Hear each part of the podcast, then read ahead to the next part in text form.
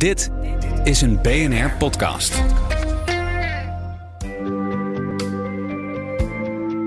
Wetenschap in het kort met Carlijn Meinders. Op het Isle of Skye in Schotland is een nieuw soort Pterosaurus ontdekt. Onder deze soort vallen de grootste vliegende dieren die ooit op aarde zijn voorgekomen. Van het dier zijn delen van de schouders, vleugels, poten en ruggengraat gevonden. Veel van de botten zitten volledig vast in steen en kunnen dus alleen met CT-scans worden bekeken.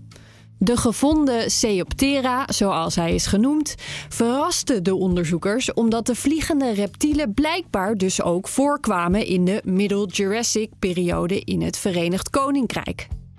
Dat geeft nieuwe kennis over belangrijke gebeurtenissen in de evolutie van de soort.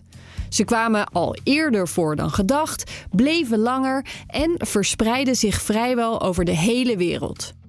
Ook leefden ze op het eind naast de vliegende dino's, die daarna evolueerden richting onze moderne vogelsoorten. Wil je elke dag een wetenschapsnieuwtje? Abonneer je dan op Wetenschap vandaag. Luister Wetenschap vandaag terug in al je favoriete podcast-apps. Nieuw 10 is ook duidelijk voor pizzabakkers. Je vraagt lekker snel een zakelijke lening aan. Net zo snel als dat ik mijn pizza's bezorg. Duidelijk voor ondernemers. Nieuw 10, je doelen dichterbij. Een initiatief van ABN AMRO.